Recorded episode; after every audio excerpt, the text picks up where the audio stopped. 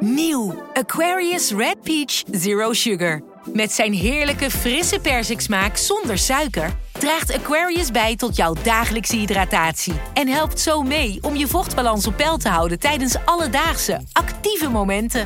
Thuis, op het werk of onderweg. Ook verkrijgbaar in smaken lemon en orange. Probeer hem nu. Vanaf de redactie van NRC het verhaal van vandaag. Mijn naam is Floor Boon.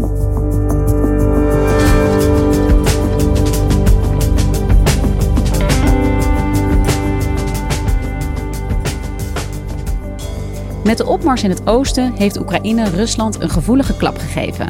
Door slimme afleidingsmanoeuvres kon het Oekraïnse leger vrij onverwachts 6000 vierkante kilometer heroveren. Verslaggever Simone Peek, die in het land was toen het tegenoffensief begon, vertelt wat er de afgelopen dagen is gebeurd.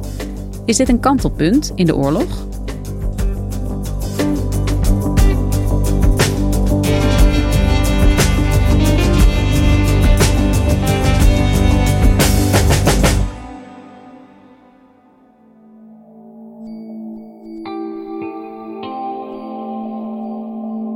Twee weken geleden was ik in Oekraïne, aan de oostkant van de Dnieper. Dat is de rivier die Oekraïne van noord tot zuid in tweeën splitst. En ik was in de stad Dnipropetrovsk. Ik was met een uh, fotograaf, een lokale fotograaf waar we daar altijd mee werken, Konstantin Tchernitschkin. En ik was daar voor andere verhalen, maar plotseling bleek dat het bevrijdingsoffensief van Gerson van de Oekraïners was begonnen. Dus daar wilden we zo snel mogelijk een verhaal over maken om het aan onze lezers te laten zien. We kozen een van de laatste dorpjes in Oekraïnse handen, voorbij Zaporizhia, dus verder naar het zuiden. En daar is een van de laatste punten die nog onder volledige controle is van de Oekraïners. En dat is de plek waar eigenlijk uh, heel veel Oekraïnse vluchtelingen binnenkomen uit het Russische bezet gebied. En dat dorpje, daar wilden we naartoe, want daar komen ze binnen en dan zien ze voor het eerst de Oekraïnse vlag weer. En dan is het een heel emotioneel moment. We zouden de volgende dag al gaan en ik sprak een Amerikaanse journalist. Die was er geweest en hij zei: Je kunt er zo heen en je kunt zo terug naar het dorpje. Er zitten wat checkpoints tussen, maar uh, ze laten je zo gaan. En in de ochtend van 31 augustus, toen we daar dus heen wilden gaan, kreeg ik een bericht en we mochten er niet meer naartoe. Oekraïne was dus begonnen aan een opmars en alle informatievoorziening werd ongeveer stilgelegd. Uh, journalisten konden geen verzoeken meer indienen om mee te lopen met het leger. En niemand mocht meer naar de laatste dorpjes in Oekraïnse handen. En zelfs werden journalisten gevraagd om niet over het offensief te schrijven, behalve de officiële verklaringen van het leger. Dus alleen maar doorgeven de informatie die officieel beschikbaar werd gemaakt. Maar goed, later bleek dat dit offensief eigenlijk een grotere strategie was van Oekraïne om de sterkste Russische troepen naar het zuiden te lokken. Ja, Simone, uh, we hebben het over de opmars van Oekraïne. Uh, die is inmiddels al eventjes aan de gang. En hier in deze podcast hebben we onlangs ook hierover gesproken met Steven Deriks over de veroveringen van Oekraïne en dat tegenoffensief in het zuiden. Um, ja, we zijn nu twee weken verder. Jij was daar in die tijd. Wat is er sindsdien gebeurd? Nou, eind augustus begon Oekraïne dus het tegenoffensief in het zuiden om richting de Krim te trekken. Uh, specifiek ten noorden van de stad Gerson. Daar werd druk op gezet. En dit offensief is de hele zomer gehyped. De hele zomer hoorde je overal iedereen zeggen: uh, we gaan Gerson terugpakken. Maar vorige week dinsdag, dus op 6 september, begon als donderslag bij heldere hemel ineens enorme verschuivingen op de kaart uh, zichtbaar te worden.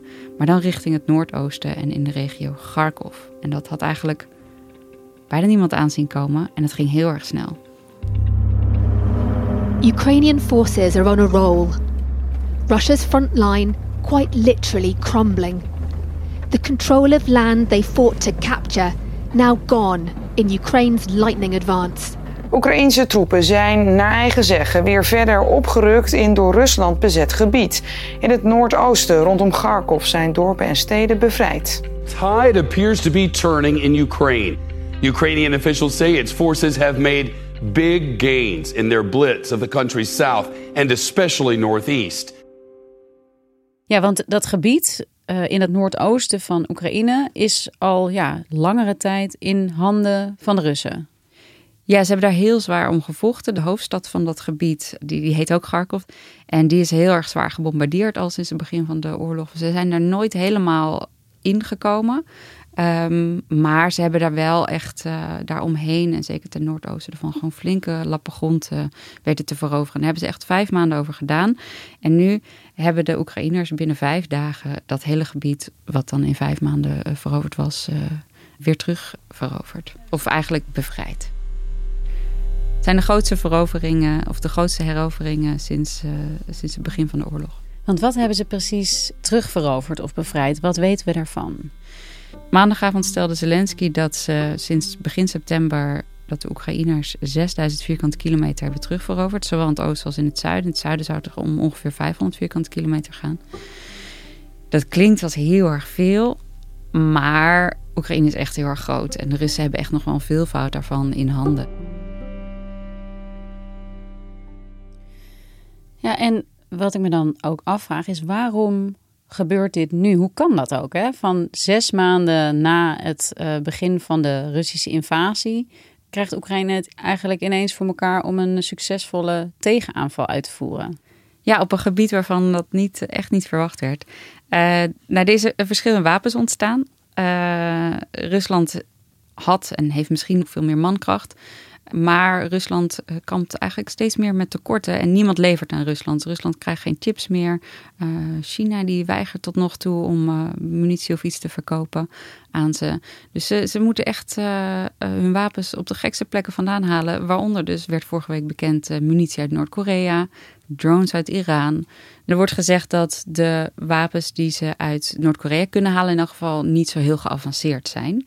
Uh, en zeker niet tegenover wat de NAVO daar tegenover stelt. Want wij sturen natuurlijk wel gewoon onze mooiste spullen daar naartoe. Western weapons are offloaded at airfields in Poland and Romania, driven across the border and delivered into the hands of the Ukrainian army and its newest fighters, all courtesy of NATO allies. Het is een van de belangrijke redenen, maar een andere belangrijke reden die veel genoemd wordt, is het verschil in moreel de Russen weten vaak niet zo heel goed waarvoor ze aan het vechten zijn. En dat komt deels omdat hen niet alles wordt verteld. Waardoor zeker aan het begin van de oorlog veel militairen misschien niet eens wisten dat ze de oorlog uh, ingingen. Um, maar ook nu nog geldt dat het officieel een speciale militaire operatie is. Waarin de Oekraïners worden bevrijd van de nazi's. Zo wordt het nog steeds genoemd. Maar het moet een deel van de Russische militairen ook wel duidelijk zijn inmiddels dat dit niet de hele waarheid is. En dat ze ook iets anders aan het doen zijn. Hoe zit dat met de Oekraïners? Ik kan me ook voorstellen dat zij een enorme boost hiervan krijgen. Ja, dat is, dat is zeker zo. Um, de Oekraïners zijn ongelooflijk gemotiveerd om hun land weer terug te veroveren. Die zitten hier al zes maanden op te wachten. Opiniepeilingen stellen ook dat uh, iets van 89% van de Oekraïners denkt dat ze deze oorlog gewoon gaan winnen. Um, en dit is, dit is een eerste bewijs dat ze dat ook kunnen. Dat ze gewoon weer gebied terug kunnen veroveren. Oekraïne speelt er ook heel slim op in met alle beelden die ze wel naar buiten brengen. Dus er is een soort uh, informatievacuum. Maar uh, na een paar dagen begonnen er wel ineens video's en wel ineens foto's uh, naar buiten te komen van Oekraïners op een dak met een vlag. En dat er een veld vol met Oekraïnse soldaten staat die het volkslied zingen om zich klaar te maken om het oosten terug te gaan veroveren. En de snelheid waarmee Oekraïne dit voor elkaar krijgt eigenlijk. Dit, dit, dit nou, toch vrij onverwachte grote succes dat ze hier boeken in het Noordoosten. Hoe kan dat? Nou, het was echt wel een hele slimme zet van Oekraïne om uh, de best georganiseerde militairen en de zwaarste wapens naar het zuiden te lokken. Door dus de hele zomer te zeggen dat ze dat terug gaan veroveren. Ook omdat de Krim natuurlijk ook een kroonjuweel is van Rusland. Die hebben ze al sinds 2014, maar ze weten ook dat Oekraïne terug wil. Ze gingen dat enorm goed verdedigen.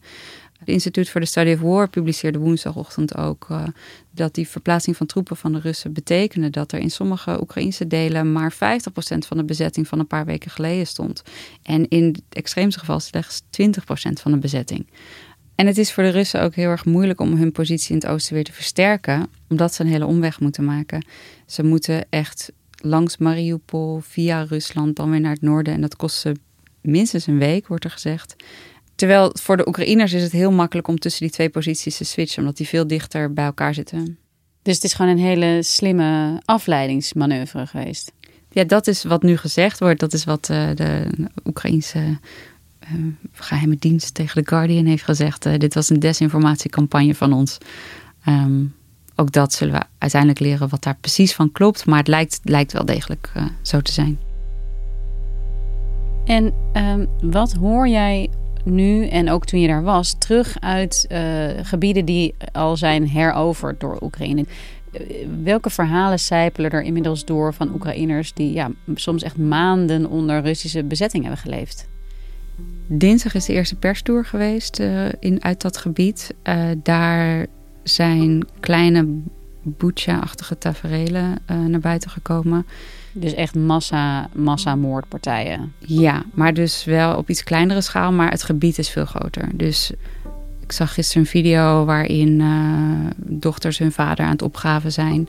Dat ze de afgelopen maanden dus niet konden gaan doen.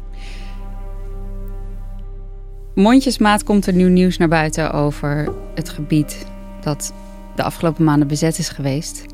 Het hoofd van de Oekraïnse recherchedienst van Kharkiv die heeft gezegd dat er in het bevrijde stad Balaklia onderin het politiebureau martelkamers zijn aangetroffen. En daar zouden zo'n 40 Oekraïners zijn gemarteld. Onder andere zouden ze zijn geëlectrocuteerd. Dus het is nu heel dubbel, want er is verdriet over wat er wordt aangetroffen, maar er is ook vreugde over de bevrijding. Ik geloof dat de schatting is dat er 150.000 mensen nu bevrijd zijn. Ik weet niet of die schatting klopt. Ehm, maar de, op heel veel andere propagandavideo's van de Oekraïners zie je dat ze gewoon met open armen verwelkomd worden. Er is een hele emotionele video van een zoon die een dorpje bevrijdt waar zijn moeder in woont, die elkaar in de armen vallen.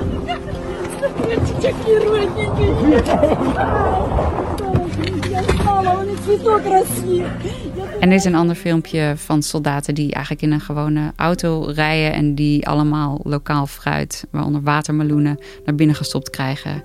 En dan uh, roepen de dorpsbewoners uh, glorie aan Oekraïne. Це Україна, Україна. И домой даже не заехал, едь. Заедет. Ребята, слава Все буде Україна, все буде Україна. Все буде Україна, Щасливо. все буде Україна. Спасибо. Щасливо, щасливо.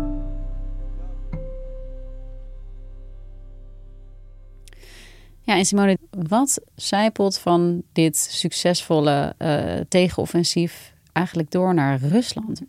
Um, in Rusland is nog steeds sprake van repressie. Dus zelfs het noemen van de oorlog wordt niet geduld. Wel heel opvallend is dat in 18 deelraden in Sint-Petersburg en Moskou afgevaardigden opriepen tot het aftreden van Vladimir Poetin. In Russia, a sign that frustration with Vladimir Putin and his unprovoked invasion is growing. Deputies from 18 municipal districts in Moscow and St. Petersburg have now signed a petition demanding Putin's resignation, calling his actions, quote, detrimental to Russia's and its citizens' future. En kan dat zomaar zonder consequenties?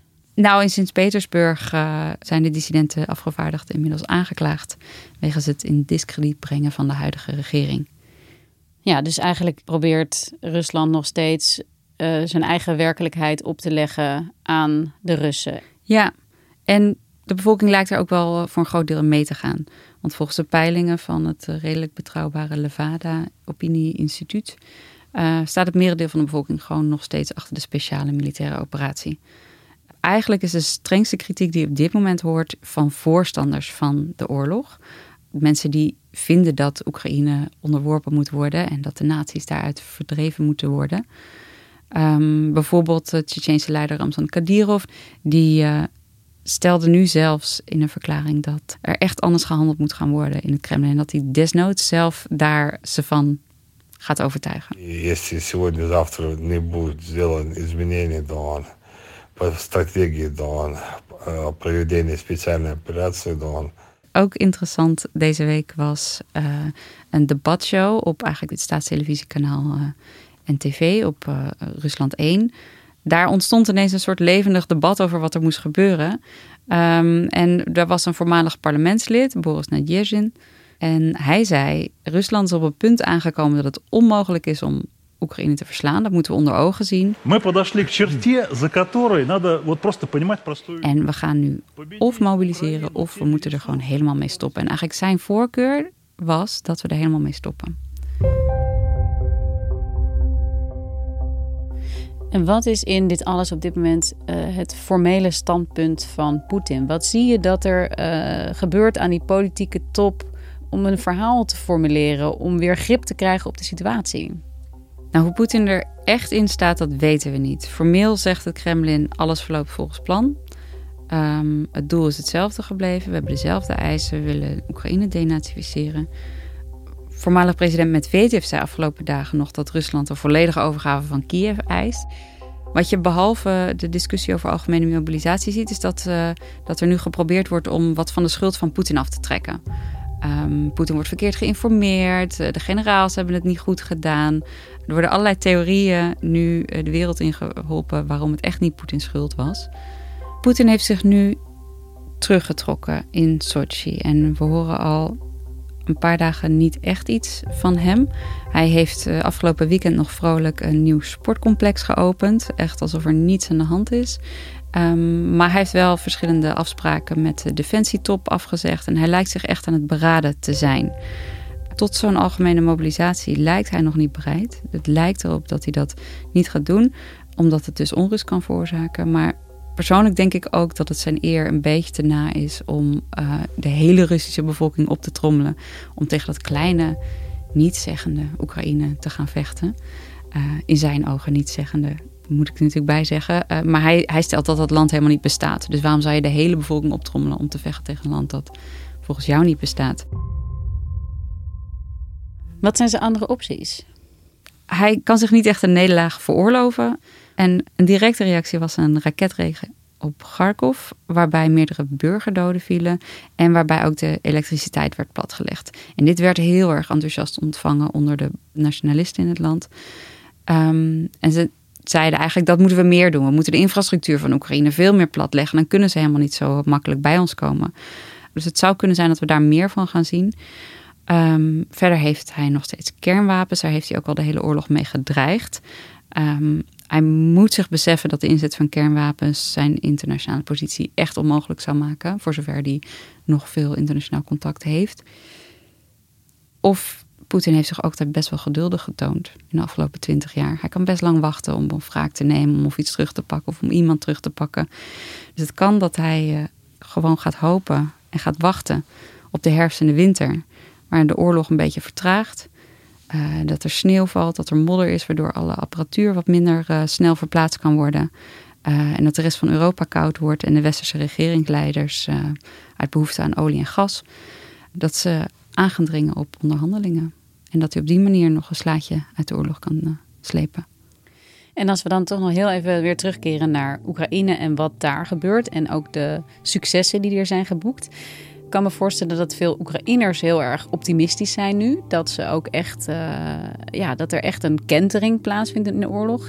Is dat zo? Is, staat Oekraïne nu op het punt om echt hele grote uh, slagen te slaan? Er zijn analisten die zeggen ja, het initiatief ligt nu echt bij Oekraïne. Um, ze hebben hier gewoon laten zien dat ze heel erg slim strategisch kunnen denken. Dat ze, dat ze met eigenlijk weinig troepen gewoon heel snel resultaat kunnen boeken. Um, tegelijkertijd moet je wel echt realiseren dat het bezette gebied nog steeds gewoon heel erg groot is. Um, dat er nog heel veel obstakels liggen om dat echt allemaal te ontzetten. Dat dat alleen maar zou gebeuren als Rusland zelf opgeeft. En dat zien we gewoon nog niet gebeuren. Um, en Oekraïne die heeft gewoon nog wapens nodig. Want zelf produceren ze niks. Dus ze zijn volledig afhankelijk van of de NAVO en of Europa wapens blijft sturen. En wanneer ga jij weer terug, Simone? Afhankelijk van hoe de veiligheid zich ontwikkelt, hoop ik volgende week richting Oost-Oekraïne te gaan, naar het nieuw ontzette gebied. Dan hopen we ook hier weer van jou te horen. Dankjewel, Simone. Geen dank.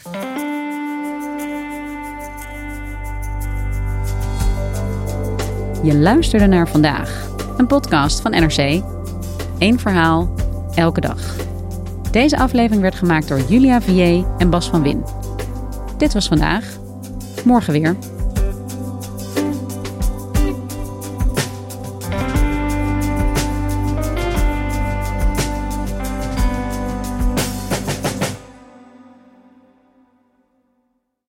Een maatschappij waarin iedereen meedoet. Een gezonde, groene en rechtvaardige wereld. Daar willen jij en heel veel andere mensen best iets aan bijdragen. In het klein en in het groot. Dicht bij huis en ver weg.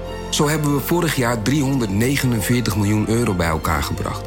Miljoenen waarmee onze goede doelenpartners de wereld elke dag een beetje beter kunnen maken. Nationale Postcode Loterij. Samen voor een betere wereld.